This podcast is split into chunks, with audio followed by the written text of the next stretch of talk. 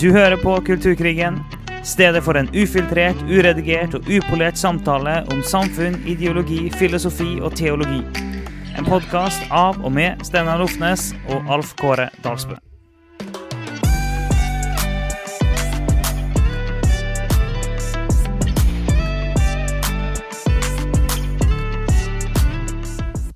Da er vi klar for en ny episode. Og eh, i dag så skal vi eh, innom flere interessante ting. Men vi skal iallfall begynne med å eh, Jeg skal fortsette litt der vi avslutta forrige episode. Og, og, ta, og adressere litt, litt ulike tilbakemeldinger. Så det skal bli spennende.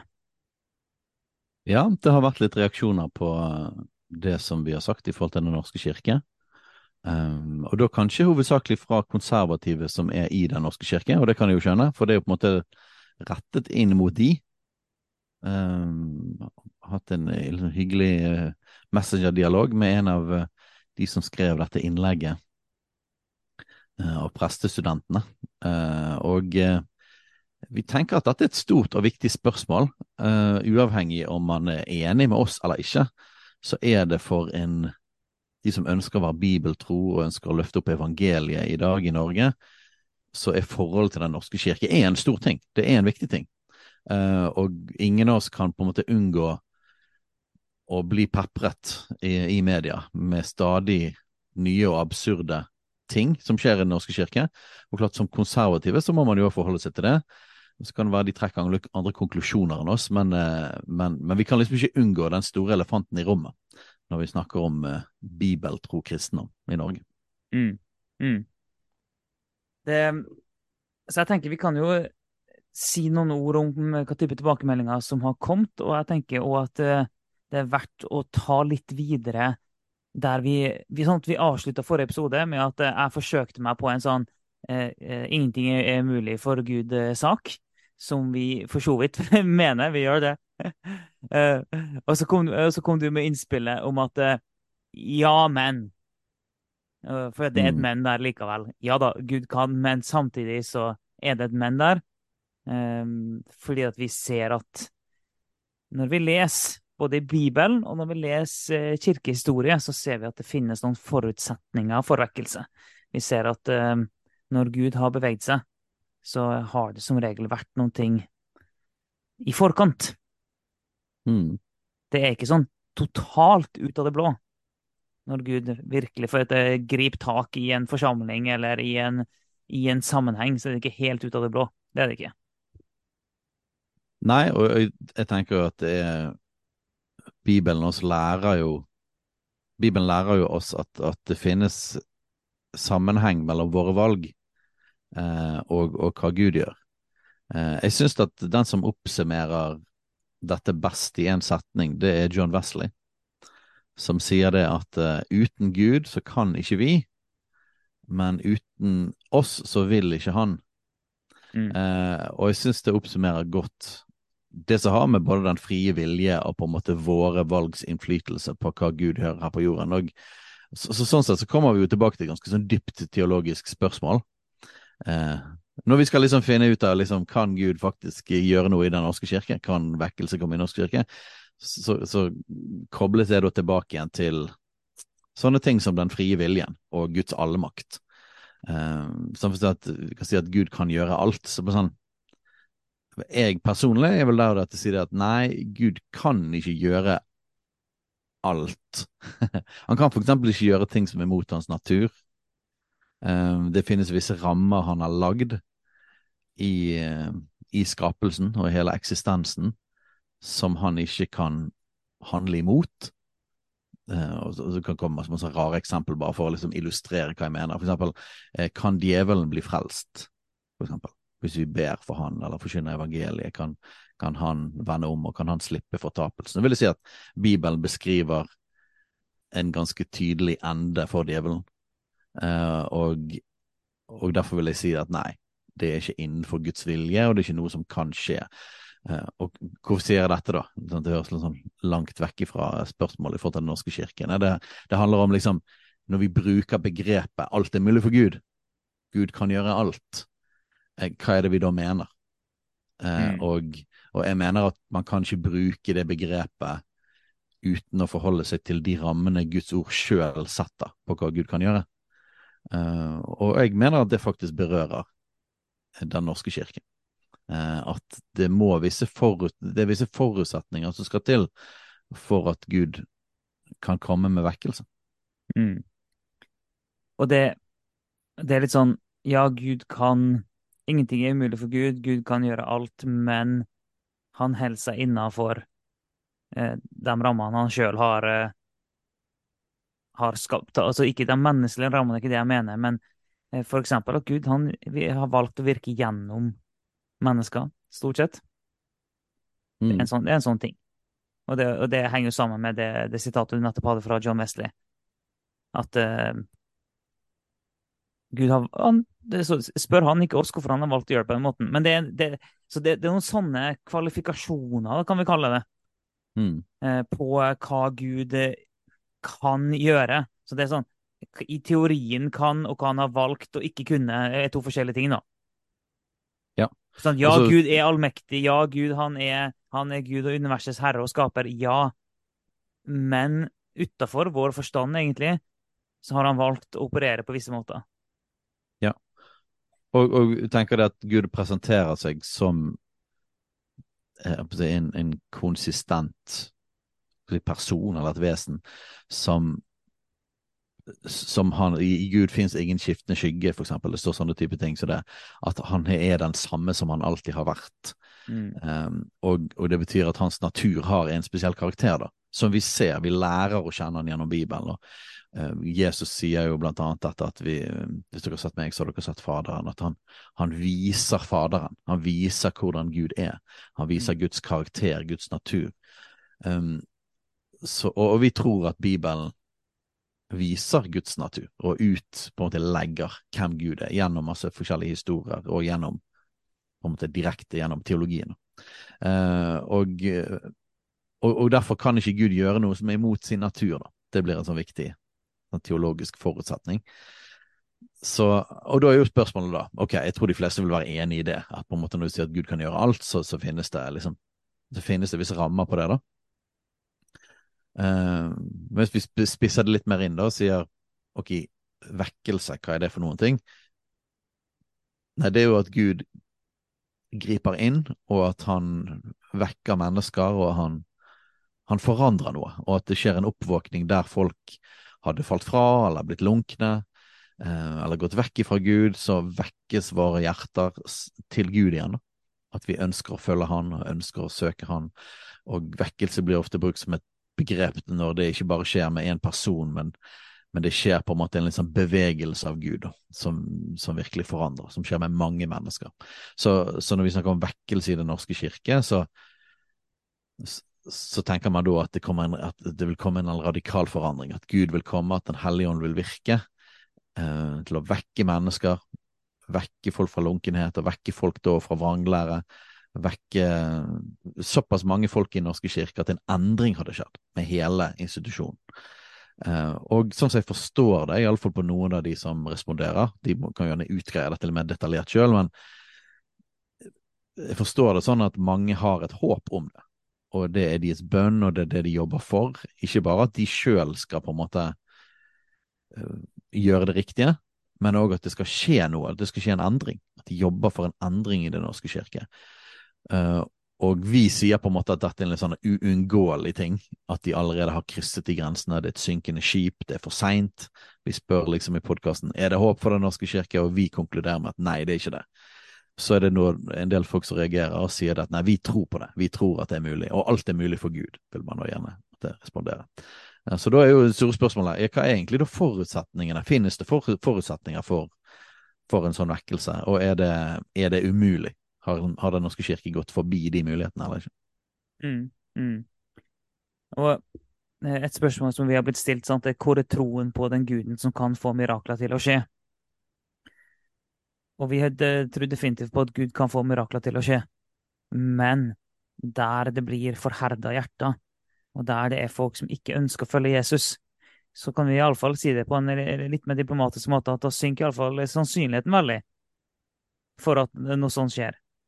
Det er Og det er helt sant at det er mange mennesker i Den norske kirke som søker Gud, og som ber, og som er fantastiske, fine folk, og som ønsker å følge Jesus med hele sitt hjerte og hele sitt liv. Det finnes folk i Den norske kirke som gjør det. Det er klart. Det, det anerkjenner ja, vi. Absolutt. Men på det vi adresserer, er jo hovedsakelig på ledelsesnivået i Den norske kirke, og Den norske kirke som institusjon. Ja, og demokratiet, da. Som ja, både, ja, ja både men, toppen og på en måte i, si, medlemsmassen, da, som da veldig er, Når jeg sier institusjon, så mener jeg for det òg, da. Hele måten det er organisert på. Så det å ha en kirke eh, som overveldende består av mennesker som ikke følger Jesus, og en kirke som kan styres av mennesker som ikke følger Jesus, bare det i seg sjøl er jo egentlig helt hårreisende. Og det er jo det, altså, det, jeg sa jeg skulle prøve å være diplomatisk, men det er, sånn, det, er, det er, jo ikke greit i det hele tatt, egentlig, at du har folk som ikke følger Jesus, som skal få lov til å ha innflytelse på, eh, på Kristi kropp. Det er jo egentlig helt, helt, helt, helt, helt, helt, helt, helt, helt, helt feil. Men greit nok, da. Så det er institusjonen og det er lederskapet i Norsk kirke som vi mener har tatt såpass mange steg vekk fra evangeliet, at det nå forkynner et annet evangelium, og at det siver gradvis nedover og utover i hele organisasjonen mer og mer og mer, og det påvirker folk som er i Norsk kirke mer og mer og mer. Det er det vi sier, og, vi tror at det har gått så langt at ledelsen i Den norske, norske kirke ikke kommer til å omvende seg. Vi tror det. Det, det er det vi ja. sier. Og det er derfor vi mener at vi tror ikke lenger det er håp, for vi tror ikke det, at ledelsen kommer til å omvende seg. Og vi tror at eventuelle nye folk som kommer inn, kommer til å fortsette den kursen som Den norske kirke går på i dag. Og den kursen, den går helt feil vei. Den går eh, ikke bare mot et annet evangelium, den har allerede kryssa over i et annet evangelium. Ja, uh, så vi snakker både om topp og bunn her hele tiden. og så lenge hoveddelen av medlemsmassen ikke er kristne, eh, så tror vi heller ikke at det vil, ha, vil kunne på en måte forandre Den norske kirke positivt, så lenge de er der. Mm. Eh, og så blir det spørsmål ja, men kanskje de kan da vekkes gjennom at de har den tilknytningen, eller de er innom på en begravelse, eller et eller annet sånt som det. Eh, da tror ikke vi det heller. For det, er ingenting som tilsier de siste tiårene at at eh, barnedåpene og konfirmasjonene og begravelsene i stor grad vi skal ikke eh, Det finnes unntak, det finnes mennesker både her og der som har blitt frelst, det finnes, som, altså, det finnes ting som har skjedd lokalt, men sånn i det store og det hele, sånn som vi ser det, så har ikke disse tingene, som kan du si, den ikke-troende medlemsmassen, berøringen de har med kirken, har ikke ført til mengder av mennesker som har blitt frelst, eller store bevegelser for Den hellige ånd. Jeg vil jo heller påstå det at som har vært med på mange av disse sjøl, eh, at det har heller vært en, en eh, Mer ofte enn ikke, jeg, så har det vært en forkynnelse av, av, et feil evangelium i de settingene. Ja. Typiske begravelser med folk som helt åpenlyst har vært ikke-troende hele livet sitt, der hele familien er ikke-kristne. De, de har begravelse i norske kirke fordi det er tradisjonen, og der presten eh, forkynner Jeg vet ikke hva vi skal kalle det for noe engang, men det er basically en sånn her eh, 'alle kommer til himmel'. Mm. Eh, type trøstende budskap. Jeg kan skjønne pedagogikken i det. Uh, men jeg, jeg, mener at vi ikke er unntatt. Jeg har selv for, forkynt i begravelser. Jeg, jeg, mener at vi er ikke unntatt å forkynne et sant evangelium begravelser. Eh, selv om det skulle være ubehagelig. Jeg tenker nå heller at det er, en, det er, et moment av alvor og vekking i forhold til folks egentlige tilstand med Gud. da. Så jeg har brukt anledningene til å forkynne evangeliet. Mens det jeg har hørt, er, er, er en litt sånn herre ja ja, de er kommet til himmelen. Da vet jeg ikke om det for det er en sånt alle blir frelst-greie pga. Guds kjærlighet, eller fordi at de var medlemmer i Den norske kirke fordi de var døpt. Uansett hva begrunnelsen til prestene måtte være, så vil jeg si at det er et, det er et falskt evangelium. Eh, man forkynner en falsk trøst. Og dette er på en måte bare som et eksempel på det jeg har hørt. da. Så det er på en måte ingenting for meg som sier det at alle disse berøringspunktene folk har med Den norske kirke, av de som er den ikke-troende medlemsmassen, at det faktisk skulle føre til vekkelse. Jeg vil heller si at det har motsatt effekt. Ja. Det, ja. Og, det er akkurat det, for Jeg forstår argumentet om at alle berøringspunktene er en arena for evangeliet. Jeg forstår eh, det poenget.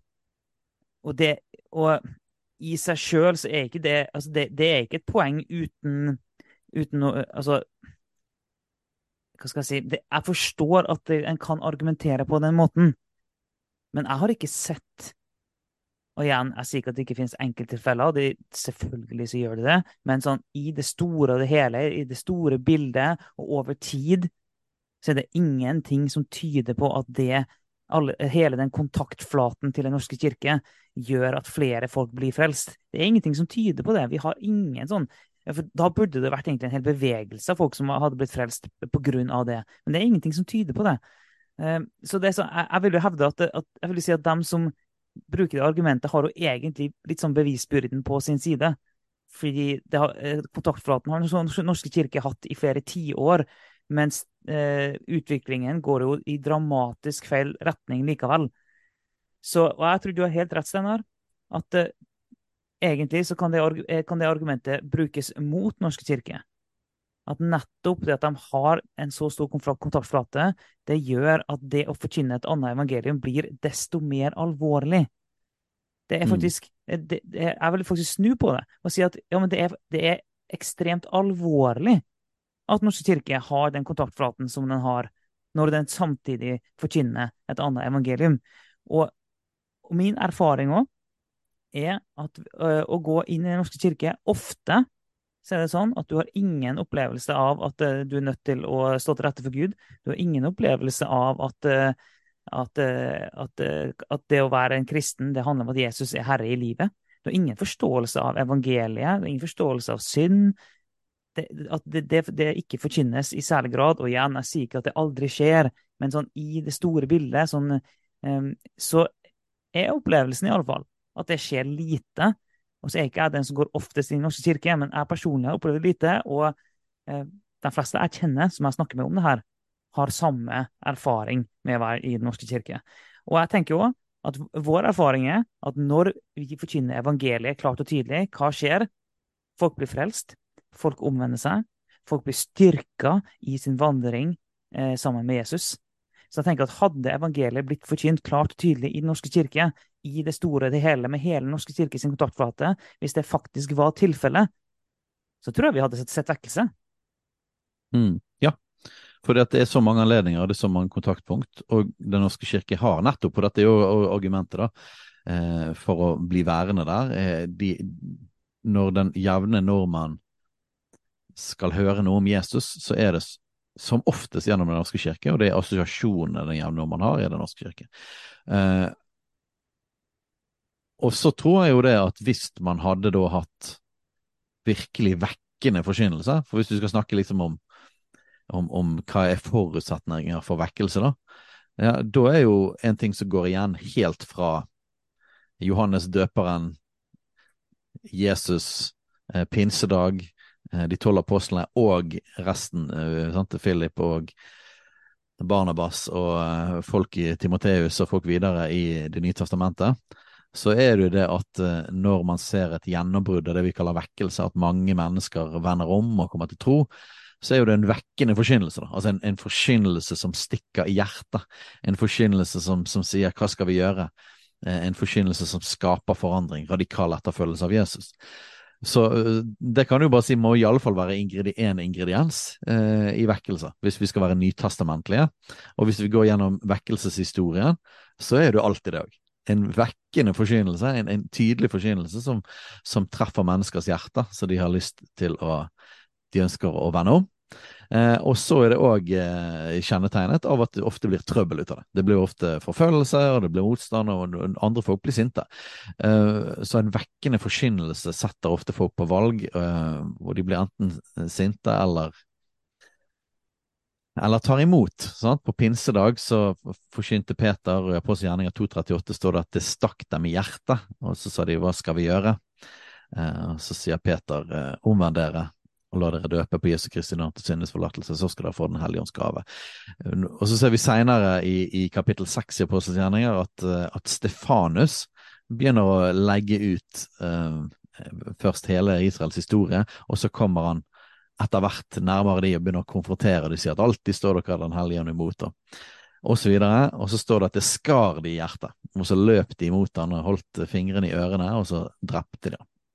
Så, så det, dette er jo på en måte vekkelsesforkynnelse, da. Eh, gjennom Det nye testamentet og gjennom vekkelseshistorien.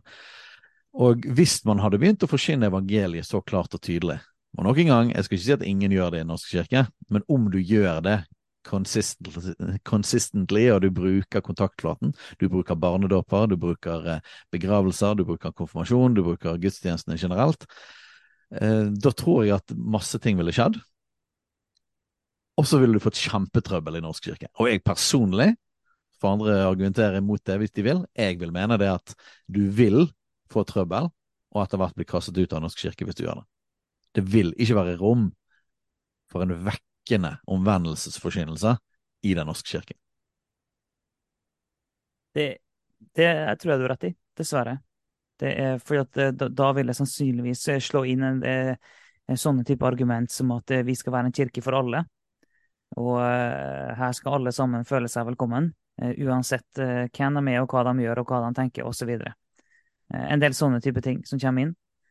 Um, og vi, vi, tror ikke at det er evangeliet rett og slett. Eh, når du leser Bibelen, når du leser eh, hva Jesus sa og gjorde, så er det ingenting som tyder på at det er sånn det henger sammen. Jesus setter folk på valg. Så en, en klar forkynnelse av evangeliet vil sette folk på valg, og om en vil følge Jesus eller ikke. Og det, Den forkynnelsen den trenger vi i Den norske kirke òg. Og en, et argument som gjerne òg brukes, er det at det er mange mennesker i Den norske kirke som Gud elsker og som trenger Jesus. Og det er sant. Mm.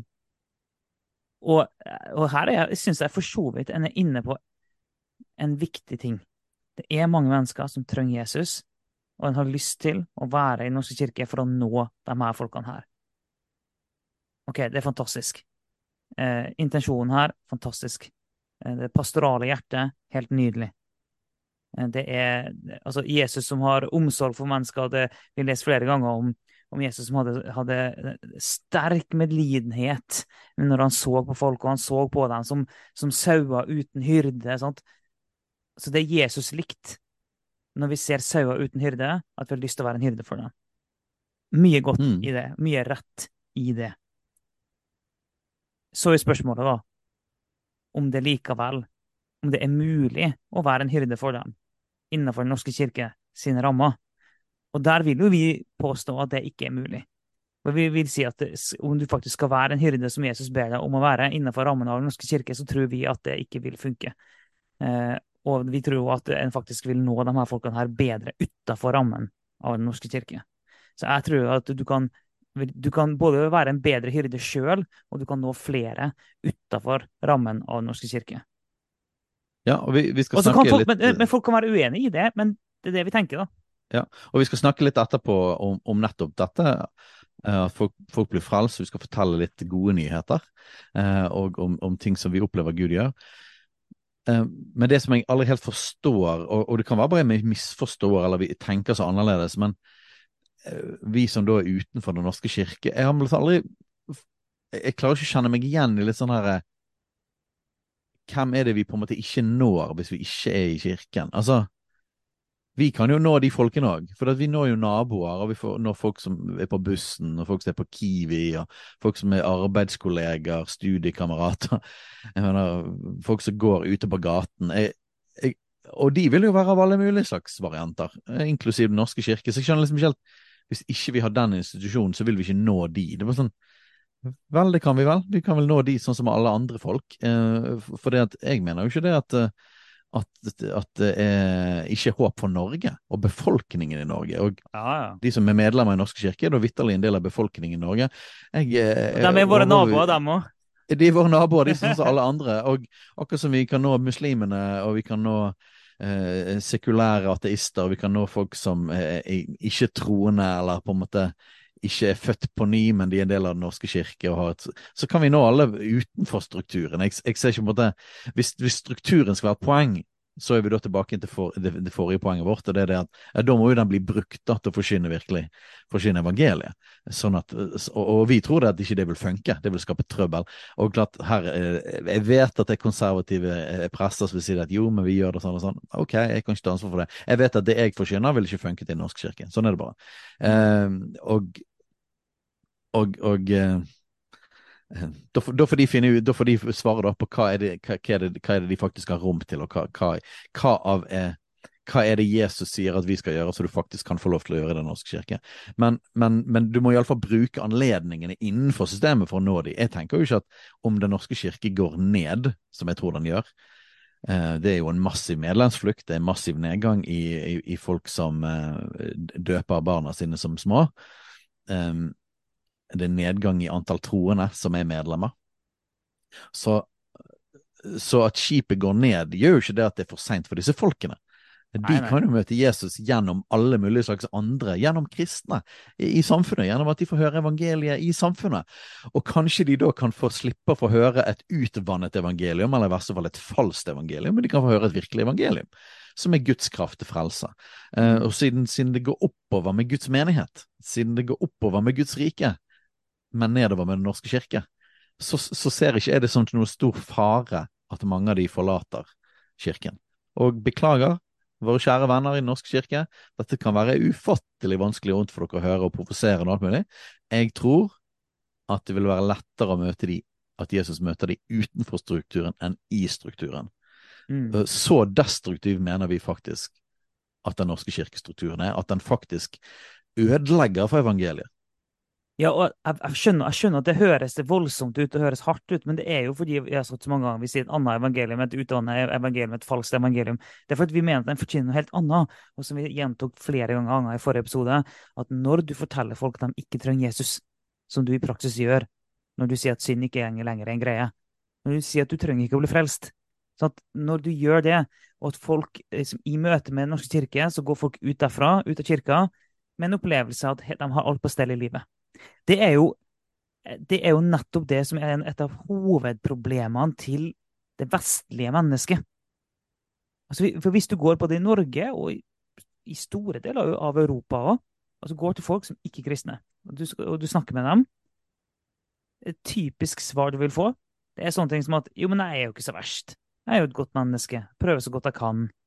Og det, det, som er gjennomgående, det er at folk ser ikke behovet for frelse. Folk har ikke en erkjennelse av egen synd. Og det er klart at Hvis du ikke har en erkjennelse av egen synd, og du ser ikke behovet for din frelse, så hvorfor i all verden skal du gi livet ditt til Jesus da? Hvorfor skal du ikke bare fortsette å leve som du vil? Og det er jo nettopp det vi mener at Norsk kirke bare fortsetter å bygge opp under med sin forkynnelse. Og det er kjempefarlig. Ja, og eh, det slår meg, for, for, hver gang vi sier et falskt evangelium, et utvannet evangelium, så har jeg sånn feeling at mange bare sånn Hva er det dere snakker om, hva mener dere egentlig, hva, er ikke det en ekstremt drøy ting å si? Jo, det er en drøy ting å si, eh, men, men, hvorfor mener du det? Og derfor må vi gjenta evangeliet da igjen og igjen. Jeg snakket om korset sist gang. Sånn at du, korset og Jesu død på korset, hans oppstandelse Ingen kristen kan være uenig i det at det er det sentrale budskapet til den kristne tro. Det er det sentrale evangeliet. Jesus Kristus døde på et kors. Og døde, hvorfor døde han på et kors? Han døde for våre synder. Han døde som et offer, et sonoffer for all verdens synd. Fordi, sånn som Johannes 3, 16 sier, fordi at Gud elsket oss Gud elsket oss så høyt at uh, han ikke ville at vi skulle gå fortapt. Sant? Og derfor sendte han Jesus. Så Jesus kom for å dø for våre synder, for at vi ikke skulle gå fortapt. Og hvordan er det vi da tar imot denne frelsen? Hvordan, hvordan kan denne tilgivelsen fra synd, som Jesus, denne soningen for synd, hvordan kan det få effekt på mitt liv, som, som gjør at min synd blir tilgitt, så jeg blir et Guds barn? Og der kommer liksom, her kommer den store utfordringen. For det første, hvis man, hvis man, ikke snakker om synd her i det hele tatt, så gir korset ingen mening. Mm. Så det må være en forståelse av at hele poenget med korset er betaling for synd, og at jeg har syndet. Jeg har syndet og står uten ære for Gud. Dette gjelder alle mennesker personlig. Så når Jesus kommer og dør for vår synd, så er ikke det automatikk i at dermed er vi alle tilgitt. Nei, men han har gjort det som skal til for at vi skal kunne ta imot den tilgivelsen. Og da tror vi at det første vi gjør, det første vi møter, det er det at Den hellige ånd overbeviser oss om synd. Når evangeliet blir forsynt, så skjønner vi det, at vi trenger tilgivelse. Vi trenger nåde. I Romane 3 står det om at ved loven kommer erkjennelse av synd. Så Den hellige ånd det treffer oss, det stikker i hjertet, som, som det står i Apostelens gjerninger to, etter at Peter hadde konfrontert dem. Så stikker det i hjertet, og så sier vi 'Jesus, jeg trenger deg, jeg trenger denne nåden'. Så en erkjennelse, og så vender jeg om og sier at 'Jesus, jeg vil følge deg'. Jeg vil følge deg, Jesus. Jeg vil ikke lenger leve for meg sjøl. Jeg vil ikke lenger leve i, i min egen synd. Jeg har lyst til å følge deg. Og Jesus, jeg tror på det du gjorde på korset. Jeg tror at når du døde, så døde du for meg. Du døde for mine synder. Og gjennom at jeg erkjenner min synd, innrømmer at jeg trenger dette, gjennom at jeg vender om til han og sier 'Jesus, jeg vil følge deg, jeg vil vende vekk fra mitt eget liv', og gjennom at jeg tror på han, at han døde, og at han står opp igjen, og det gjør at jeg blir tilgitt, jeg blir et Guds barn, ja, så blir jeg frelst. Og så eh, mener jo jeg òg at dåpen er veldig sentral i dette. Det, det ser vi gjennom hele apostelsgjerninger at, at, med en gang folk kom til tro og vendte om, så ble de òg døpt. Eh, og igjen, vi skal ikke gå langt inn i dåpsteologi, men, men, det er vanskelig å komme utenom at det er en sentral del av pakken, av frelsen. Det vi ikke tror, som Den norske kirke lærer, det er det at når, hvis du er et barn, og så blir du døpt, så blir du et Guds barn bare gjennom dåpshandlingen, uten tro og omvendelse som gjør det, og dette blir forsynt i Den norske kirke. Og dette er jo ikke engang en sånn ny ting som kom med liberaliseringen, dette har på en måte vært forsynt alltid. Eh, at så lenge du er døpt, så er du et Guds barn. Jeg var selv konfirmant i Den norske kirke, og vi sang sanger som handlet om akkurat det. Eh, dette er en sentral lære. Og det fører til at store deler av befolkningen tenker fordi jeg ble døpt som barn i Den norske kirke, så er jeg et Guds barn, altså jeg er frelst. Mm. Mine synder er blitt tilgitt, jeg har min sak i orden med Gud. Og som vi liksom populært sier det i Norge, jeg er døpt og konfirmert. Mm. Derfor min sak i orden med Gud. Så allerede der kommer det en utrolig stor utfordring for oss i forhold til evangeliet og Den norske kirke. Eh, at uansett hva du mener om barnedåp eller ikke dåp, den, den, norske kirkes dåpspraksis fører faktisk til en utvanning av evangeliet i seg sjøl, fordi at tro og omvendelse, etterfølgelse av Jesus, blir tatt ut liksom av the equation, og er kanskje noe som liksom skal komme etter hvert gjennom opplæring, et eller annet sånt. Men, men men vi tror det at erkjennelse av synd, omvendelse til Jesus og tro på han, det han gjorde for oss, som er at han sonet all vår synd, er essensielt for å bli frelst. Og Hvis du mm. forkynner et evangelium som ikke inneholder det, og da er det hovedsakelig dette her med omvendelse, erkjennelse av synd og omvendelse, som blir utelatt. Man kan snakke om tro, og tro er jo fantastisk. Vi blir frelst av tro. Av nåde er dere frelst ved tro. Men du kan ikke løsrive tro for denne erkjennelsen av synd og omvendelse. Og, og når evangeliet blir forsynt gjennom Nytestamentet, så blir alltid dette tatt med. For skal du få tilgivelse, må du innrømme at du trenger tilgivelse. Og skal du få tilgivelse, så må du faktisk òg snu, vende om, og si at 'jeg vil følge deg, Jesus, du er nå min Herre'. Jeg, kan, jeg, har, jeg har, ikke noe rett til å fortsatt leve mitt liv som Herre sjøl. Jeg har ikke rett til å leve mitt liv og si det at jeg kan jeg kan bare leve mitt liv i synd. Nei, jeg må overgi mitt liv til Jesus. Mm. Han er nå min herre. Dette er det vi snakker om når vi snakker om at man ikke forkynner et sant evangelium. Et evangelium der du tar vekk disse tingene. Der du enten blir frelst i automatikk gjennom noen av kirkens handlinger uten troomvendelse, eller at man ikke engang nevner synd, man ikke engang nevner behovet for frelse, eller at man forkynner direkte at det Bibelen kaller synd, er greit og at en livsstil Bibelen kaller synd. Du, du forkynner altså det motsatte av omvendelse. Du forkynner lev i synd videre, og du er likevel et Guds barn. Det er, det er ikke bare et sånt perifert spørsmål. Dette er helt sentralt i hva evangeliet er for noe. Og derfor kan vi si så drøye ting som at vet du hva, hvis ikke dette blir forsynt, så forsyner man faktisk et falskt evangelium.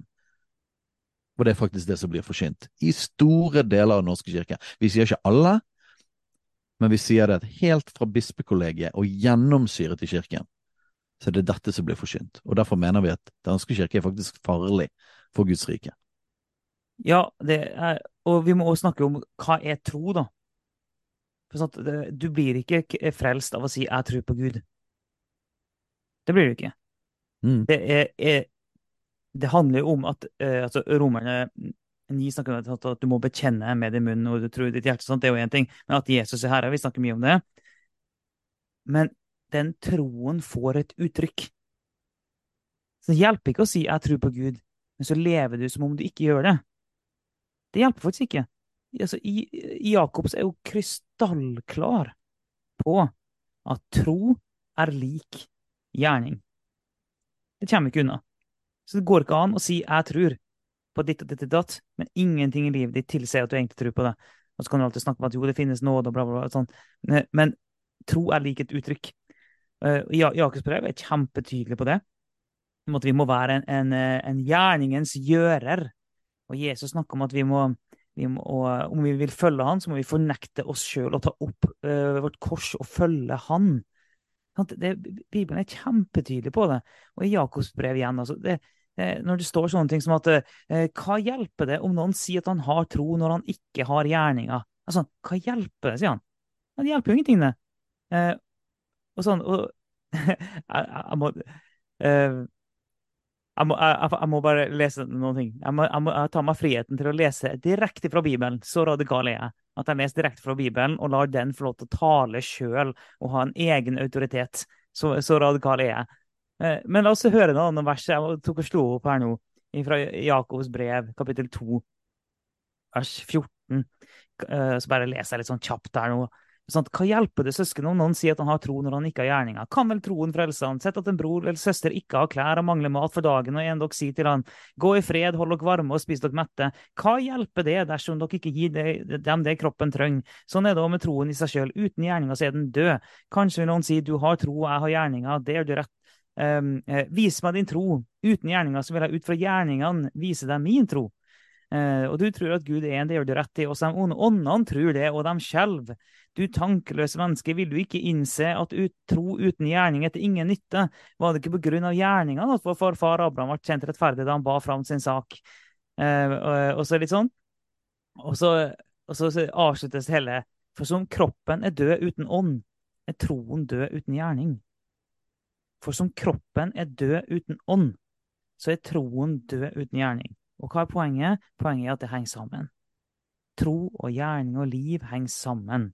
Så det å si 'jeg tror på Gud', jo, det har faktisk direkte påvirkning på hvordan vi lever. Du kan ikke skille måten du lever på, og det du sier at du tror på. For måten du lever på, forteller hva du egentlig tror på. På samme måte som at munnen taler det hjertet er fylt av. Så ved å på, høre på hva som kommer ut av munnen, så får du vite hva som er hjertet. Det her henger sammen. Ja. ja. Og, og, og, liksom, og, du var litt sånn inn på ja, men hva med nåde? Vi skal ikke skuffe vekk nåden. Jo, nåden og tilgivelsen, den kommer jo i erkjennelsen. At ja, jeg får ikke dette til sjøl. Mm. Eh, jeg, jeg sjøl, i min egen styrke og min kraft, jeg klarer ikke å tilfredsstille måtte, hele loven. Så, så, en kristen, du blir en kristen gjennom å innrømme det. Erkjennelse er å innrømme. Si det, vet du hva, jeg får ikke det til sjøl.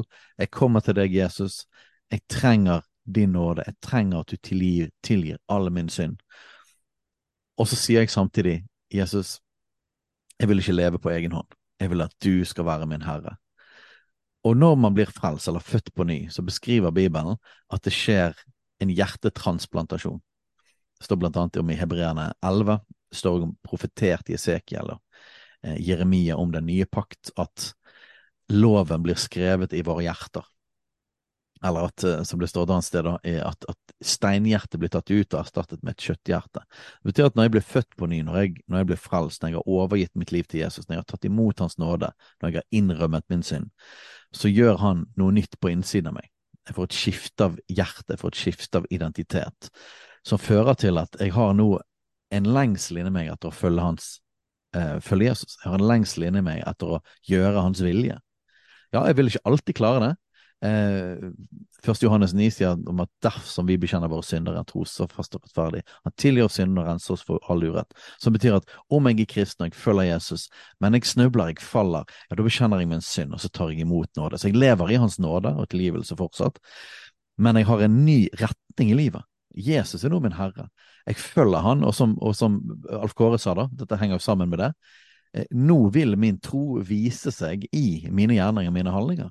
Mitt, liv har en annen retning. Ja, jeg kan falle, og jeg vil fortsatt trenge tilgivelse, men jeg kan ikke si at jeg tror og retningen min ikke er å følge Jesus. Da er min tro død, som Jakobs brev sier. Eh, så nåden kommer inn i det at vi hele tiden har behov for hans tilgivelse når vi innrømmer vår synd. Men det er noe helt annet enn å leve motsatt vei av Jesus. At du lever i opprør mot hans, mot hans vilje eh, da lever jeg for meg sjøl og ikke for Jesus. Da er jeg ikke en kristen. Jeg, jeg er en som lever i synd, istedenfor en som er kristen, men kan falle i synd og kontinuerlig ta imot tilgivelse. Det er utrolig viktig å skjønne forskjellen på disse tingene. Og, og forskjellen på disse tingene er rett og slett himmel eller helvete. Det er ganske, det er ganske stor forskjell. Det, det, det, har med evigheten å gjøre. Så vi kan ikke bare møsje alt sammen til en sånn her ja ja, men vi alle, vi ingen får det til, og sånn, og derfor så er det ingen kilde, derfor er det måtte alt bare en slags grøt, og ok, bare Gud elsker alle, så Nei, det er ikke evangeliet. Eh, evangeliet betyr òg en indre transformasjon mm. som, som, gjør at det nå følger jeg Jesus. Um, igjen, vi bare legger ut evangeliet her, for når vi kommer med disse kraftige påstandene om at de ikke forkynner et sånt evangelium, så må vi jo da si ja, men hva er evangeliet, da? Hva er det vi reagerer på? Um, og, og, vi reagerer på at man ikke snakker om synd. Vi reagerer på at man ikke tar med eh, omvendelse og etterfølgelse av Jesus, at troen faktisk har gjerninger, og troen får konkrete resultater, at ikke Jesus er herre.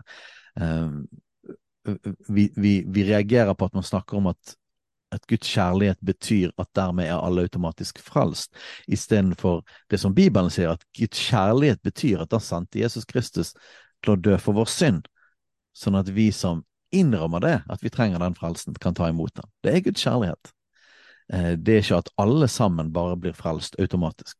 Da må du da tar du vekk all, all misjonsvirksomhet, all poeng med å forsyne evangeliet. Du, du, tar vekk hele poenget med, med, dommens dag og himmel og helvete, alt sammen.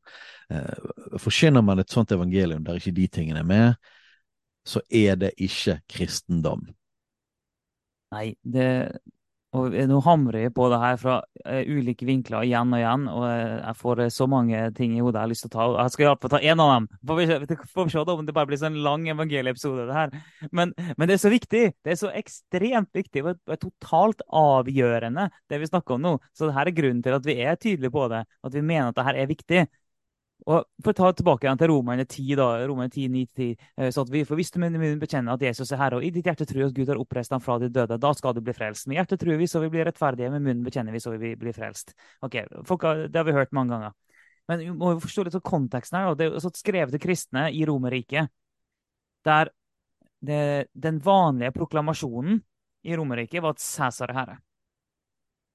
Det var en vanlig proklamasjon. Så det å si at Jesus er herre, er det samme som å si at Cæsar ikke er herre.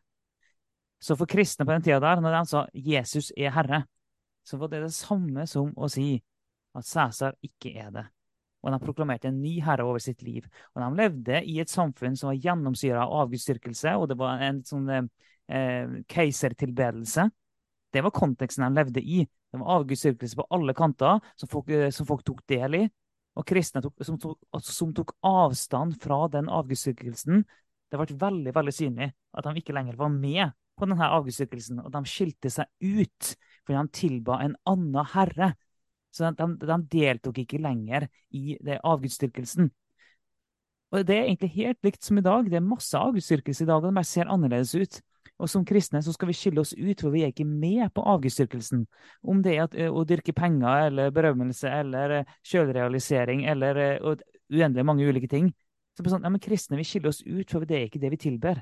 Vi tilber Jesus, og det får noen helt konkrete, tydelige konsekvenser. og Det gjør at vi lever liv som er annerledes enn livet til den som har en annen gud. Derfor er det her så utrolig viktig. Og nå skal jeg si en annen ting òg, som sikkert blir eh, Som sikkert høres voldsomt ut. Men når du forkynner et i beste fall utvannet evangelium, i verste fall et helt annet evangelium, så mener jeg at en står i fare for å egentlig bare gi folk en form for vaksine. Hvordan fungerer en vaksine? Jo, du gir litt av det ekte, sånn at kroppen, litt av den ekte sykdommen, sånn at kroppen skal klare å overvinne det og danne antistoffer. Det evangeliet som forkynnes i Den norske kirke i dag, fungerer litt på samme måte. En forkynner bitte litt av sannheten, men den forkynner på en sånn måte at den i praksis vaksinerer befolkningen og hele den svære kontaktflaten som Den norske kirke har, sånn at når da folk seinere får lov til å høre det egentlige, ekte evangeliumet, ja, da tror de at de er frelst. At de har blitt vaksinert mot ekte evangeliet. Det tror jeg faktisk er resultatet ganske mange ganger. og Jeg forstår at det kan høres heftig ut, men det er alle de her tingene vi snakker om nå, som, som gjør at vi er så tydelige som vi er. For vi tror faktisk at det her er ordentlig alvorlig. Det er det vi tror. Ja, ja og, det, og, vi har møtt mange sånne folk som har tenkt at de har sin sak i orden med Gud på grunn av nettopp dette. Mm. Praksisen og forkynnelsen som de vokste opp med i Den norske kirke, eller har fått berøring med. Eh, så dette er, er, sentralt. Og vi tror ikke, sant? for nå er vi Vi har vært heftig mot en del ideologi og sånne ting. Eh, vi har ikke noen intensjon om å gå gjennom alle kirkesamfunn og alle menigheter og alle teologier og på en måte være litt sånn vranglærejegere. Eh, vi tenker det at uh, det er greit å være bakpå og forsiktig med de tingene der, og ikke gjøre det med mindre det er ytterst nødvendig. Så hvorfor, så hvorfor tar vi bladet fra munnen når det gjelder Norske kirke? Nei, for det er den store, store eh, elefanten i rommet. Det det er ytterst nødvendig. Ja, fordi det er ytterst nødvendig. det er ytterst nødvendig, fordi at det hamrer oss hele tiden eh, i media. Biskopene står fram og sier galnere og galnere ting. Eh, brødre og søstre som er gode kristne, holder seg til kirken med en lojalitet som vi ikke kan forstå. Eh, og, og reaksjonene på dette viser jo på en måte hvor, hvor, mye folk er knyttet til kirken. Og folk blir studenter eller studerer til å bli prest i Den norske kirke fordi at de tenker at, at dette, dette, er en bra ting for å utbre evangeliet og utbre Guds rike. Eh, motivasjonen er hederlig. Men vi føler jo et ansvar for å si det. vet du hva? Eh, vi har ikke tro på at det er smart. Eh, så, så det, og det er påvirkninger på grunn av kontaktflaten til Den norske kirke, så er det, det er ingen som har mer innflytelse. Vi trenger ikke snakke om alle mulige slags bevegelser og hva vi mener om det, eller sånn og sånn og sånn. Den norske kirke har en så stor innflytelse. Eh, at til og med vi som en frimenighet, når vi møter mennesker som vi skal gi evangeliet til, så må vi forholde oss til det de har fått inn gjennom mm. Den norske kirkes hegemoni i Norge. Mm. Uh, og så dette her dette er vesentlig. Og jo lengre Den norske kirke går vekk fra evangeliet, jo mer negativ påvirkning har det, og jo mer kjenner vi behov for at hva, vi må si fra. Vi må, vi må bryte dette tabuet med at vi ikke skal si noen ting eh, om denne store elefanten i rommet. Og så er det helt greit at folk er uenige med oss og sånne ting. Vi mener, det, vi mener dette dypt. Dette er ikke bare noe vi har slengt ut. Vi har, vi har stått for dette og ment dette i ja, lang, lang, lang tid. Vi har snakket internt om dette med Norsk kirke i i alle fall 15-20 år. Så, så, så, så, hvorfor sier vi det? Nei, for vi mener det nå det, det er ytterst nødvendig. Det er kommet så langt. Vi, vi, kan ikke kommentere saker som kommer igjen og igjen i vårt land uten å si noe om hele denne greien her. Ja. Um, det, det, er nidkjærhet til evangeliet, det er nidkjærhet til Guds ord, det er nidkjærhet for at folk skal bli frelst. Det, det, det, er liksom det som er grunnen til at vi gjør det her. Og jeg har ikke telling på hvor mange ganger jeg har snakka med mennesker som ikke er kristne, der jeg må rydde i, eh, i, um, hele deres virkelighetsforståelse og hele deres evangelieforståelse på grunn av den forkynnelsen de har fått i Den norske kirke. Og det er jo aller mest forståelsen av at, det, at det, det går bra til slutt uansett. Eh, at man har sin sak i orden med Gud. Det er jo aller mest den, for at Jesus han er, jo, han er jo så nådefull, og Gud er jo kjærlighet, så da skal, må jo alt gå bra. Det er jo aller mest det jeg må rydde i, men det er ganske mange andre ting jeg må rydde i òg. Jeg har ikke telling på hvor mange ganger jeg har vært nødt til å ta den runden med folk og, og, og fortelle dem hva som egentlig er evangeliet. Ja.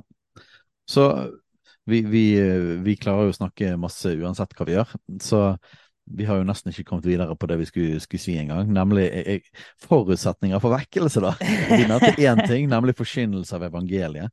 Uh, og det er det vi egentlig har pratet om nå. Uh, man må faktisk forkynne et evangelium som stikker i hjertet for at man skal se vekkelse. Finn eh, finn vekkelser som ikke har, har vært, hatt, hatt, det som ingrediens. Det, det, vet ikke jeg om, i alle fall. Uh, og, og, det er ikke det Det nye testamentet beskriver. Men vi kan jo nevne et par andre ting. og vi trenger ikke gå inn engang. gang. Jeg, jeg, vil bare si én siste ting da, til, eh, til, alle våre venner som jeg er glad i, som, eh, som mener at det finnes et rom i, i Den norske kirke. Da vil jeg komme med følgende oppfordring. Ok, Hvis du faktisk mener, oppriktig mener, at det er, eh, at det er verdt å fortsatt være i Den norske kirke, da vil jeg oppfordre deg til å forkynne evangeliet klart og tydelig, og være radikal på det, og gå all in på det, og se hva som skjer. Hvis du ikke gjør det, så vil jeg si at da har du egentlig svaret der på om det er håp for Den norske kirke eller ikke.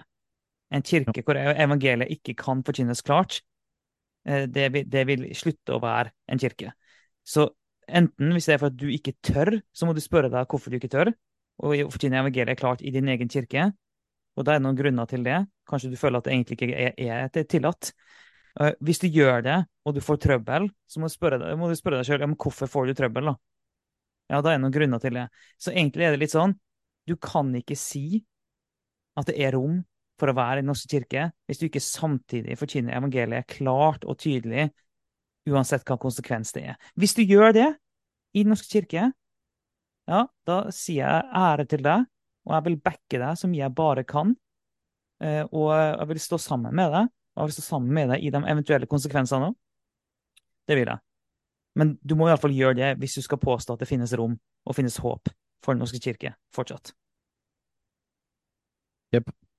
Og eh, vi har ikke tid nå. Vi, vi, kommer kanskje til å gå inn Jeg tror vi kommer til å lage et dokument uh, der vi går dypere inn i egentlig hele tematikken av hva vi har problemer med, uh, og hvorfor vi tar dette oppgjøret med Den norske kirke.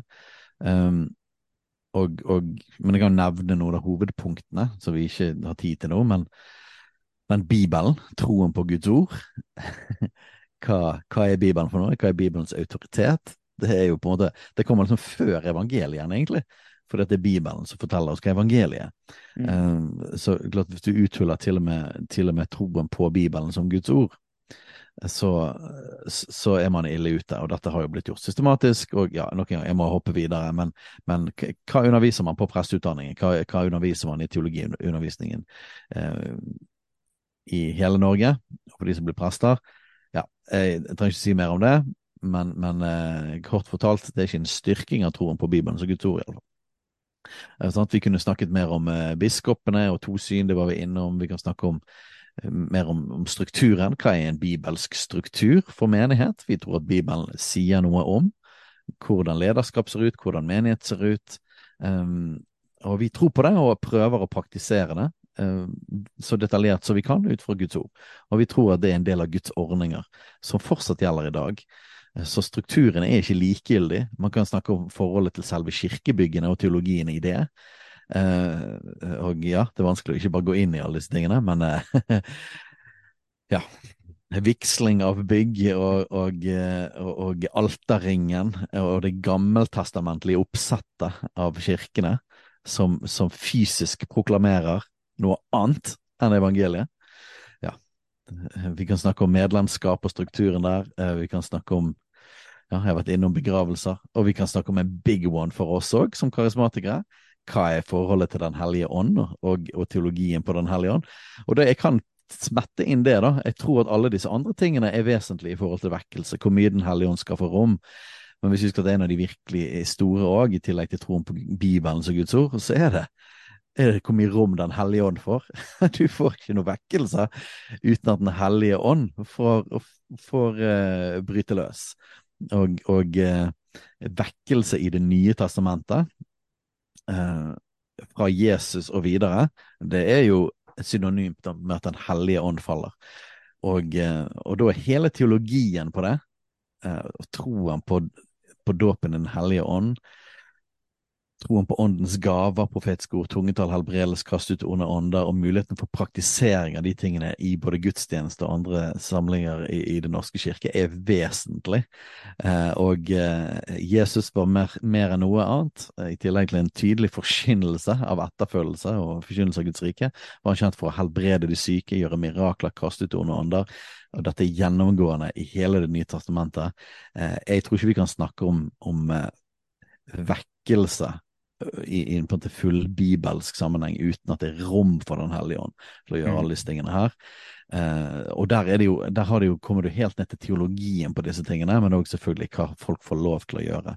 Eh, og, og, og, sånne type ting som hva gjør vi med folk som kalles hva Bibelen kaller vranglærere, og hvordan man forholder seg til dem, og hvor stor grad kan du ha en institusjon der du kan gjøre en gjennomgripende forandring, eller der Gud kan komme en vekkelse, der folk ikke bare har vekket vekk fra evangeliet, men står for det, lærer det, forkynner det, er vranglærere, og det ikke blir tatt et oppgjør for det, men man har en struktur der det er rom for alle disse tingene. Sant? Første Korinterne kapittel fem, som snakker om folk som lever i synd, som blir kastet ut fra menigheten. Der snakker Paulus videre om en liten surdeig syrer hele menigheten. Hvordan, mm. hvordan faktisk, når vranglære, men òg liv i synd, får rom inn i en struktur og inn i menighet, så, så spiser det opp innenfra. Mm. Så Paulus er veldig tydelig på at dette må kuttes av, det må ikke få rom inn. Og da kan ikke vi bare si ja, men alt er mulig for Gud. Fordi at, fordi at Jesus sjøl sier når han snakker til de syv menighetene i Johannes' åpenbaring, at hvis ikke de vender om for det, så kommer han og flytter lysestaken vekk derfra. Det betyr at det er visse ting som der Gud ikke kommer til å få rom til å bevege seg, med mindre det blir et oppgjør, og det blir en omvendelse. Så en forutsetning for vekkelse er ydmykhet, desperasjon, lengsel, omvendelse, at man søker Gud, at man innrømmer sitt synd, og at man ber Gud gripe inn. Og ja, det finnes enkeltpersoner i Den norske kirke som gjør det, men for at en hel institusjon skal gjøre de tingene, så tror jeg i utgangspunktet at ledelsen må ønske det. Hvis ikke så kan du få lokale lommer av at Gud griper inn fordi det er noen lokale folk som går for det, men det vil bli jobbet mot av strukturen av ledelsen, som gjør at det etter hvert vil være noe som foregår utenfor. Og det, det nettopp... har det vært flere ganger som skjedd i historien. Ja, det har skjedd mange ganger, og vi, det er jo det vi nettopp tror skjer, for vi er enig i at det finnes eh, fine folk i Den Norske kirke, det finnes levende menigheter i Den norske kirke. Men om det er, begynner å skje litt ting der, og folk begynner å bli frelst, og, det, og Gud virker, og så videre, så tror vi faktisk at uh, etter hvert så vil det bli et problem. Det, vi, vi, vi, tror det. Vi gjør det. Og jeg, jeg tenkte på, når du snakka nå, at uh, historien om Jesus dro til Nasaret er jo en sånn historie. Ja. Det står jo rett fram at han kunne ikke gjøre noen store gjerninger eller store under der pga. deres vantro. Så kan vi diskutere, diskutere mye hva, hva, hva handla det egentlig om helt konkret. Men det vi vet, er at det var noen ting med de menneskene der som var grunnen til at Jesus ikke kunne gjøre det han pleide å gjøre. Han pleide å dra rundt og gjøre tegn, under og mirakler. Og så kom han til Nasaret. Og så kunne han ikke gjøre det, står det. På grunn, på grunn av deres vantro. Det var på grunn av folkene. Og det er derfor vi sier at på grunn av ledelsen og en del folk i Norsk kirke, så tror vi det ikke ser så bra ut. Ja, og hele strukturen fra topp til bunn, og historien av å stå imot vekkelser, osv., osv., osv. Har Gud brukt Den norske kirke? Ja. Skjer det fortsatt? Ja. Men når vi snakker om forandring, at denne, denne dette enorme frafallet fra høyeste hold, og med en medlemsmasse som òg har gått vekk fra Jesus eh, så tror ikke vi at det er rom for Den hellige ånd å gjøre en forandring av institusjonen. Gud kan fortsatt møkke enkeltmennesker, Gud kan fortsatt bruke enkeltprester og ungdomsledere her og der, absolutt. Eh, men, men, som en gjennomgripende forandring, nei, det tror vi ikke er mulig. Eh, og, og, helt strengt tatt så lurer jeg på hvorfor i all verden er det så sinnssykt viktig at det må skje i akkurat den strukturen. Eh, vår struktur, vår menighet, det er bare en vinsekk for at Gud skal få gjøre det han. Det er for evangeliet, det er for Den hellige ånd, det er for hans, hans legeme, hans kropp. eh, med en gang vår, vår skinnsekk, vår struktur og organisasjon ikke tjener Guds rike, tjener evangeliet, Nei, vet du hva, da håper jeg at vår skinnsekk òg dør. Fordi at Guds rike består, evangeliet består, Gud kommer til å fortsette å virke. Men strukturene våre har mange ganger ikke bare blitt vanskelig for Gud å jobbe gjennom, men de noen ganger har blitt en direkte fiende for evangeliet. Og det har skjedd i mange, mange historier. Hallo, folkens, kjære venner i Den norske kirke. Var reformasjonen nødvendig? Ja, jeg mener reformasjonen var nødvendig. Fordi at den katolske kirke, og nå får vi alle katolikkene få problemer med de da, med de ortodokse og sånn, men den katolske kirke hadde begynt å forkynne et falskt evangelium. Mm. Og, og eh, Martin Luther sto opp imot det. Først, først imot en del sånne avlatshandel og sånne type ting, og etter hvert mer og mer og mer en grunnleggende kritikk av hele systemet. Eh, gjorde Gud ting fortsatt gjennom katolske kirke? Ja, selvfølgelig. Var det gode ting her og der og sånn og sånn? Ja. Men helhetlig som institusjon så var det blitt et sånt frafall, et sånt forfall, at Gud faktisk måtte reise opp noen for, for å få opp evangeliet. Skriften alene, troen alene. Um, og på samme måte, og Den norske kirke kommer ut av det. Sant? Og en politisk bestemmelse av kongen og sånn som det men det kommer jo ut av at en institusjon hadde, hadde, hadde, hatt et forfall. Så man må jo på en måte forstå det at institusjoner kan, kristne institusjoner, kan bli korrupte. Kan bli noe som, som står imot evangeliet. Mm. Og da kan vi ikke ha lojalitet til strukturen. Vi må ha lojalitet til, til menighetens herre Jesus Kristus. Lojalitet til Guds ord. Lojalitet til evangeliet. Eh, og, og om vår, om vår, struktur blir et hinder for evangeliet, ja, da håper jeg det at Jesusfellesskapet kommer til å falle sammen. Og dette kan eh, neste generasjoner eh, ta dette lydklippet og spille det på menighetsmøter i Jesusfellesskapet, eh, og si det at legg ned menigheten hvis ikke det er det sanne evangeliet som blir forkynt, hvis ikke Den hellige ånd får rom til å virke, hvis ikke vi har en struktur som, som, som er overens med, med Bibelen. Hei, legg det ned. Mm. Strukturen er ikke hellig. Guds ord er hellig, evangeliet er hellig.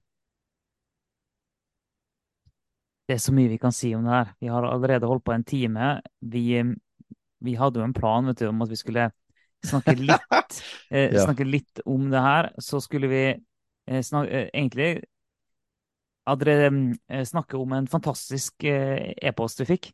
En lang, nydelig e-post med mange spørsmål og interessante ting og tips til ting. og og, og, eh, ulike kommentarer og innspill som egentlig hadde tenkt at vi skulle, skulle snakke om. Men da holder vi på i en og en halv time til. Hvis vi tar den. Så det er sånn, ja. nei, vi, vi, vi, kan faktisk ikke ta det nå, selv om jeg, vi hadde tenkt det. Og selv om jeg sa òg Jeg skrev tilbake at vi skulle ta det i dag. Men jeg innser, oi, oi, oi. Jeg, jeg innser at det går bare ikke. Det, det, det, vi får ikke gjort det godt nok. Så den må vi faktisk bare utsette.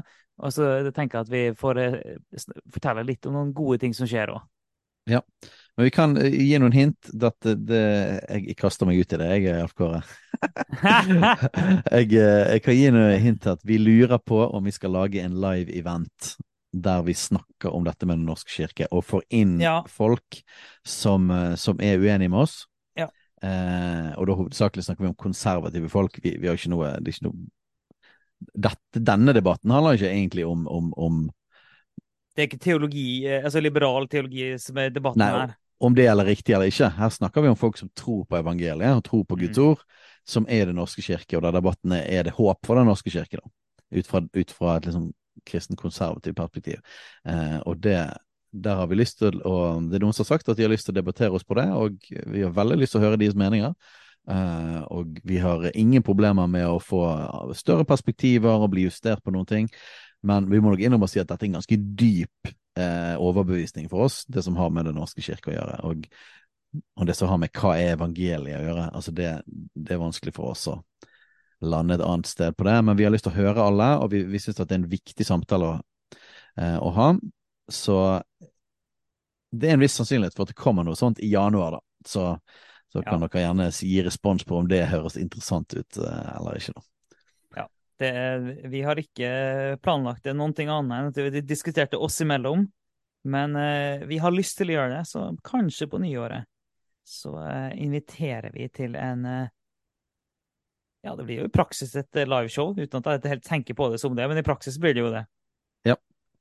Uh, og vi tar det opp, og det blir en podkastepisode, sannsynligvis. Så grunnen til at de sier det, er litt for å, for å bare legge den ballen der litt på hyllen og si at vi tar den opp igjen. For vi kommer til å gjøre noe annet. Noe helt annet i uh, episodene fremover. Uh, så det trenger ikke vi si noe mer om akkurat nå, det kan vi høre mer om neste gang. Men, ja. men det gjør det at vi, vi, vi legger litt den til siden hele norske kirkeproblematikken, og så tar vi det opp igjen over nyttår. Ja, vi skal forsøke på det, iallfall. Og så får vi se hvor mye, eventuelt hvor mye trøkk det blir videre. ja, og så blir vel den svar svaret på e-post og sånne ting, det blir vel òg utsatt til etter det. Så sånn er det. Det, det, det blir fort, det, altså. Det blir fort, Skal vi gi noen gode historier til slutt? Uh... Ja, vi får, vi, får av, vi får, avslutte på en sånn high note. Ja. Og uh, vet du hva, det er midt inni dette her med, med at vi driver og kritiserer ideologier, og vi konfronterer uh, vranglære, og vi kjører alle de tingene der. Så uh, vi opplever at det er viktig. Det er en del av denne podkasten. Vi opplever at det er en del av å være leder. Det nye testamentet blir vranglære konfrontert. Sånn er det bare. Uh, så det er en del av det. Men vi føler oss ukomfortable med at liksom, det blir for mye av det vi gjør, da. Eller iallfall mm. at vi skaper et inntrykk utad at det, liksom, det er hovedsakelig det vi holder på med. At vi sitter og er sinte og angriper alt mulig.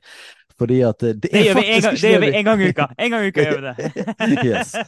Uh, og det er faktisk ikke det vi gir hele vår liksom, oppmerksomhet og vårt fokus gjennom livet vårt og dagene, og så bare kjente behov for at vi må fortelle noen gode nyheter, ikke bare kritisere Den norske kirke. For, for Gud, han er virksom. yes. Så i den siste tiden, egentlig det siste året, og en økning Jeg vil si at det har vært en økning etter Og etter vi kom hjem fra Asbury. Eh, og spesielt i høst da, og de siste ukene så har vi sett flere og flere folk som blir frelst. Og mm. kommer inn i menigheten, og det er en så viktig ting for oss, og vi brenner for dette, at folk ikke bare liksom ber en bønn eller tar en avgjørelse her, men at de faktisk blir etterfølgere av Jesus, og at de blir mm. disipler. Disipler av Jesus, de blir lagt til fellesskapet og blir en del av det, og de vandrer videre med Jesus um, og har folk som hjelper dem med det, og disippelgjør. Uh, så hele den pakken, da. Uh, og, og, det har vært en lengsel og en drøm for oss i så mange år at vi skal se en økning av det. Vi har sett litt her og der, men at, men at dette blir noe som skjer kontinuerlig, jeg har lest i apostelgjerningen står det om at hver dag la Herren til den som lot seg frelse. Sånn at uh, folk blir frelst hver dag og blir en del av menigheten. Og så har jeg, når jeg har lest det, tenkt at ok, Gud, vi vil det etter hvert, men vi er så langt unna det. Mm. Hva med en gang i uken, Gud? Hva med en gang i uken? Det er liksom første trappetrinn og, og min bønn, liksom. Gud, tenk om vi så en gang i uken at folk blir frelst, og at de blir lagt til, at hver uke skjer det. Og i den siste tiden så har det vært sånn. Uh, og det er rett og slett helt fantastisk. Ja, og, og, det, og det, er det. fordi at Én ting er liksom at det kommer nye folk inn i menigheten. Det er kjekt, det. Det er kjekt med nye folk inn i menigheten. Vi vil ha det. Det, det er fantastisk. Uh, og det er, det er, herlig når folk, andre kristne brødre og søstre har lyst til å være en del av vårt fellesskap. Det er en stor glede, og det vil vi selvfølgelig ha masse, masse av. Og folk er velkommen, for all del. Men det er når noen som ikke kjente Jesus, blir kjent med han, og sånn blir en del av fellesskapet. Eller folk som vandrer med Jesus før eller vokser med kristen familie, og så vender hjem igjen. Det, mm. det, er noe annet, altså. Det er det. Ja. Så, så jeg har fått være, være med og litt sånn direkte, for jeg har så hjerte for at, at, folk skal bli virkelig godt ivaretatt med en gang, og at de skal få full pakke på plass og bli disipler av Jesus. Så derfor har jeg vært involvert i en del folk, og for å sørge for at folk får grupper, og kommet inn i grupper. og det jeg gleder meg å si at, at, vi har fått en god spredning av folk inn i forskjellige disippelgrupper, som vi kaller de. Eh, og jeg ser at, at, menigheten tar seg av folk, og det er, ja, det er bare så stor glede. Um, så jeg har bare fått lov til å liksom Fordi at jeg jobber liksom 100% med dette, gjør at uh, jeg har mulighet til å legge andre ting vekk og sette ekstra fokus på at vi forvalter godt når disse tingene skjer. At, vi sørger for at alle som blir frelst, har noen som følger dem opp.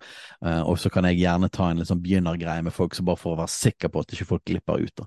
Uh, så jeg har fått møte en del uh, og, og, tatt kontakt med en del av disse folkene og fått sittet med dem og bli med, hørt historien deres og være med på å føre dem videre. Og, og noen møter jeg møter jeg nå jevnlig òg. Vi har fått folk inn i gruppen vår. Og det er rett og slett bare det mest fantastiske som finnes, altså. og det er mm. så mye gøyere egentlig å snakke om dette enn en ja, forfall ja. i norsk kirke. Fordi at uh, dette er jo derfor, det er jo derfor vi brenner for dette. Det er ikke bare en sånn død død teologi eller sånn mørkevannkonservatisme som vi bare er liksom imot alt sammen. Nei, vi brenner for at menneskers liv skal bli forandret, og vi tror det at, at det, det virkelige evangeliet, ja, det forandrer liv, da. Det mm. forandrer liv. Og det er faktisk frihet. sant? Vi snakker masse om synd og omvendelse, og det høres liksom så tungt og mørkt ut. Nei, men vet du hva? Det fører til frihet. Det er det det gjør. Evangeliet setter mennesker fri. Og eh, og eh, jeg har lyst eh, i, i, tiden videre vi, vi, kan ikke presse folk til det, men jeg har veldig lyst til å intervjue bare, vi, er, vi, vi, gjør jo sånt, gjør ikke vi det her. Vi bare sier ting som er totalt uprosessert direkte på live til hele Norge. Det, det er he helt ufiltrert. ja, det var sånn det. Altså, men jeg har liksom lurt på vi startet en podkast bare med historiene til, til, folk som har blitt frelst, eh, og bare liksom snakket med dem og hørt altså, historiene deres? Vi, vi, er jo glad i å starte podkaster, og det, det, jeg, jeg, bare tenkte på når du snakka sånn at vi har jeg, jeg, jeg, klarer ikke å huske om vi, har, om vi har nevnt det før, men vi har jo en podkast i menigheten som, som vi har kalt Disippelskolen.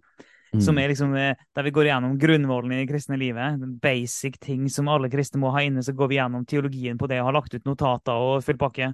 Eh, som vi oppfordrer alle nyfrelste til å gå igjennom og høre seg gjennom. Lese gjennom notatene. Eh, og alle som er interessert i den type ting, kan bare gå inn der òg. Det, sånn, det, er jo litt gøy å kunne henvise til de tingene og ikke bare de yes. tingene vi snakker om i podkasten her. Yes, ja. ja. Livet og vekkelse. Vi tror på vekkelse, vi. Og vi får oppleve smakebiter av det.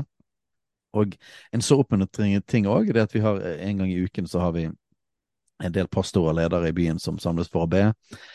Og eh, jeg hører så mye sånne historier av folk som blir frelst fra, fra andre menigheter òg. Og det er så fantastisk, for dette handler ikke om Jesusfellesskapet, det handler om Guds rike. Um, og, og, vi kjenner liksom felles som, som menighetsledere. Sånn at Gud gjør noe i byen vår. Det, det, det, virker som at det er en, eh, en økning, at det er en, eh, en temperaturøkning av Guds rike som gjør at flere folk blir frelst. Så mange vitner om disse tingene. Så jeg er litt sånn her, jeg har altså lyst til å fortelle konkret noen historier, men jeg merker jeg er litt sånn nølende på å fortelle veldig detaljer fra folks liv uten å ha snakket med dem om det før. og Derfor tenkte jeg at det hadde vært kult å ha en podkast der vi kan for, fortelle liksom historiene og hvordan disse folkene ble frelst av et Jesus. Um, men, ja, Så jeg bare litt tilbakeholden med det, men, men, eh, men, vi kan fortelle at det er mange, altså. Og, og, og de kommer ikke fra kristne sammenhenger. Uh, men Gud bare møter dem på forskjellige måter. Jeg kan si én ting som liksom sånn sett at går igjen, da. Og det er det at mange av de har opplevd noe tragisk som skjedde i livet deres. Noen har mistet en som de var glad i. Uh, noen har blitt ut, en som, en som ble angrepet. Um, uh, andre som har på en måte vært gjennom et samlivsbrudd. Eh, og så det virker som en sånn interessant ting at en, en, en del folk, når, eh, når det skjer noe liksom dramatisk i livet, så stiller man spørsmålet, da.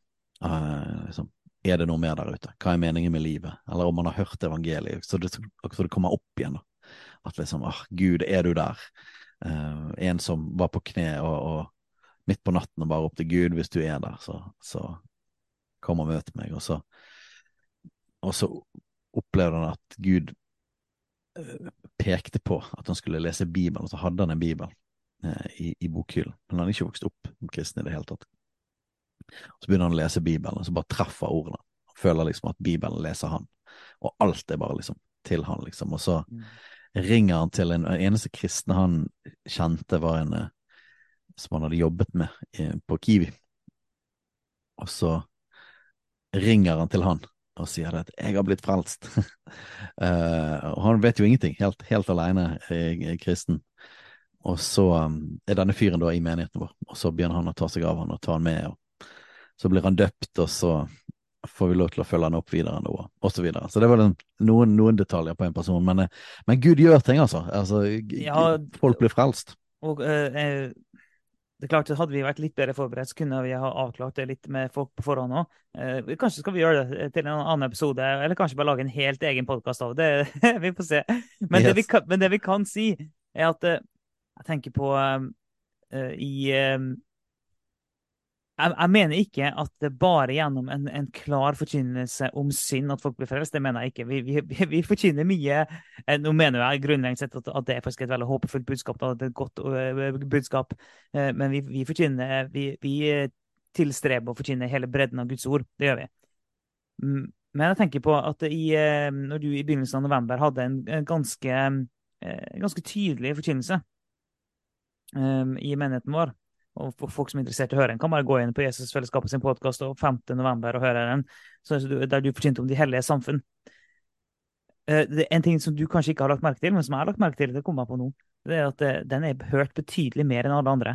Har du lagt merke til det? Å, oh, nei, jeg har ikke sjekket den. Nei, jeg bare så det plutselig. Jeg la den ut på Facebook, da. Det gjorde jeg og oppfordret folk ja, til å høre den. Mm. Ja, ja.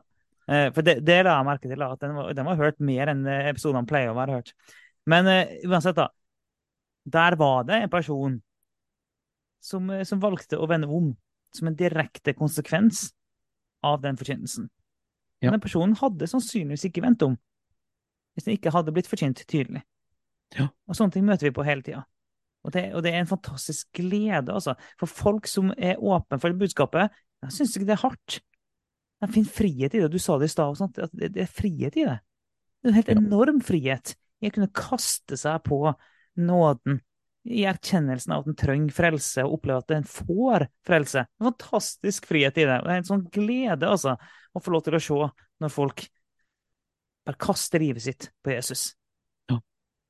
Og, og hvis vi kan ende der, da. Um, så, så, hvorfor skjer disse tingene? Nei, når alt kommer til alt, uh, uten han kan vi ingenting gjøre. Det er Nei. Gud. Det Gud suverent gjør ting. Vi vet, vi har vært gjennom tider i menigheten der ting har vært veldig vanskelig, og ting har gått nedover, og masse folk har forlatt menigheten, og det har ikke vært noe gøy. Eh, og vi vet det at uh, det er ikke liksom ved vår, vår, egen styrke og kraft så kan du bare liksom få vekkelse til å skje eller et annet. Nei, nei, nei. Det er Guds nåde. Eh, det er Han som gjør det. Um, men vi vet det at han gjør det òg gjennom mennesker, og han gjør det òg gjennom at han har visse ordninger i sitt ord. Uh, og, og, det betyr ikke at vi kan manipulere uh, vekkelse fram, men det finnes helt konkrete ting som Bibelen snakker om, som vi faktisk kan gjøre, da. Og som helt klart legger til rette for at Gud får mer rom, og at mer av disse tingene skjer. Så det er ikke til, selv om det er, det er Gud, det er nåde, og det plutselig hadde sluttet å skje, så liksom, det er ikke noe knapp vi kan trykke på, men vi, vet én ting vi kan gjøre, da. Det vi har gjort før dette, og om du plutselig skulle slutte, da, at folk ikke blir frelst, så vet jeg at det er dette jeg kommer til å gjøre. Mm. Det er nummer én. Ydmyk meg for Gud og kast meg på til han og rope til han og si Gud, grip inn, hjelp oss. Eh, vi ber at folk skal bli frelst, vi ber at folk skal møte deg. Vi trenger din kraft, vi trenger din nåde, vi trenger mer av ditt nærvær. Vi trenger mer frimodighet, som de ba i Apostelens gjerninger 4. Gi dine tjenere frimodighet idet du rekker ut din hånd, så helbredelsestegnet skjer.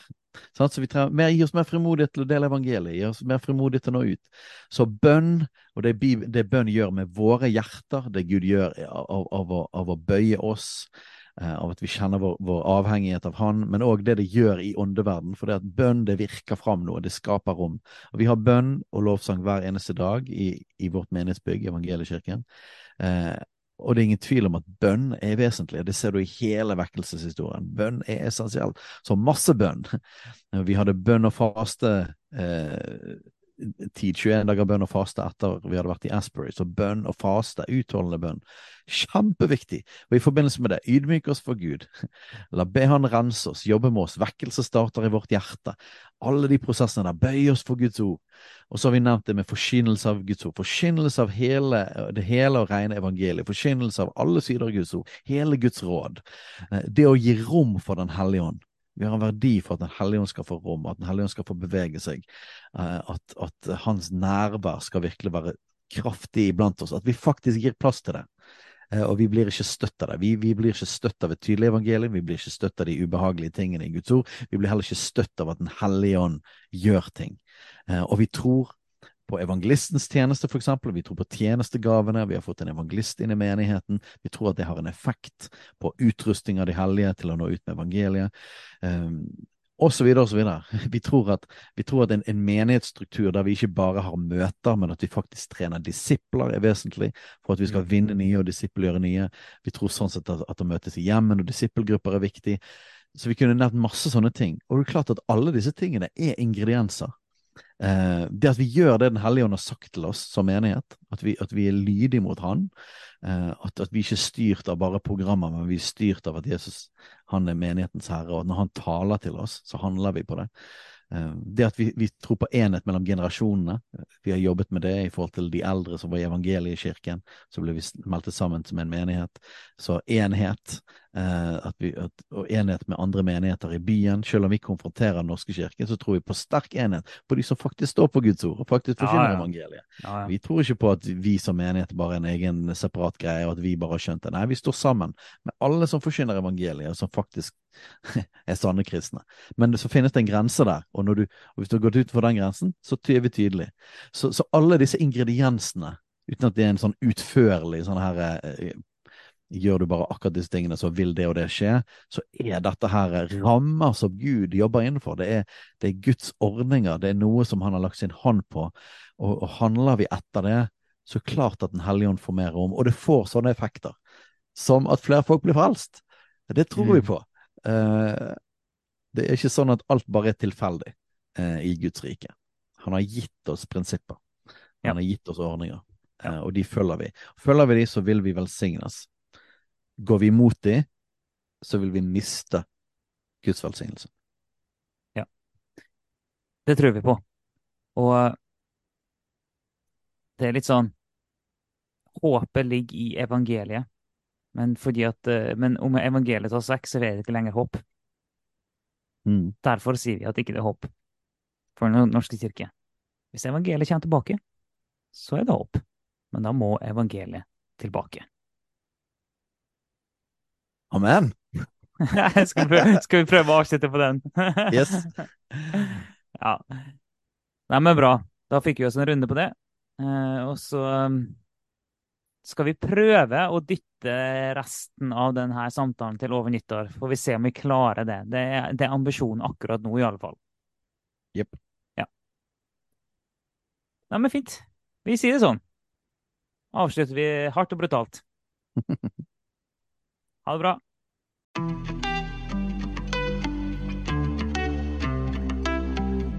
Takk for at du lytter på Kulturkrigen. Om du har tilbakemeldinger, spørsmål, hva som helst egentlig, send inn til post alfakrøllkulturkrigen.no eller på sosiale medier.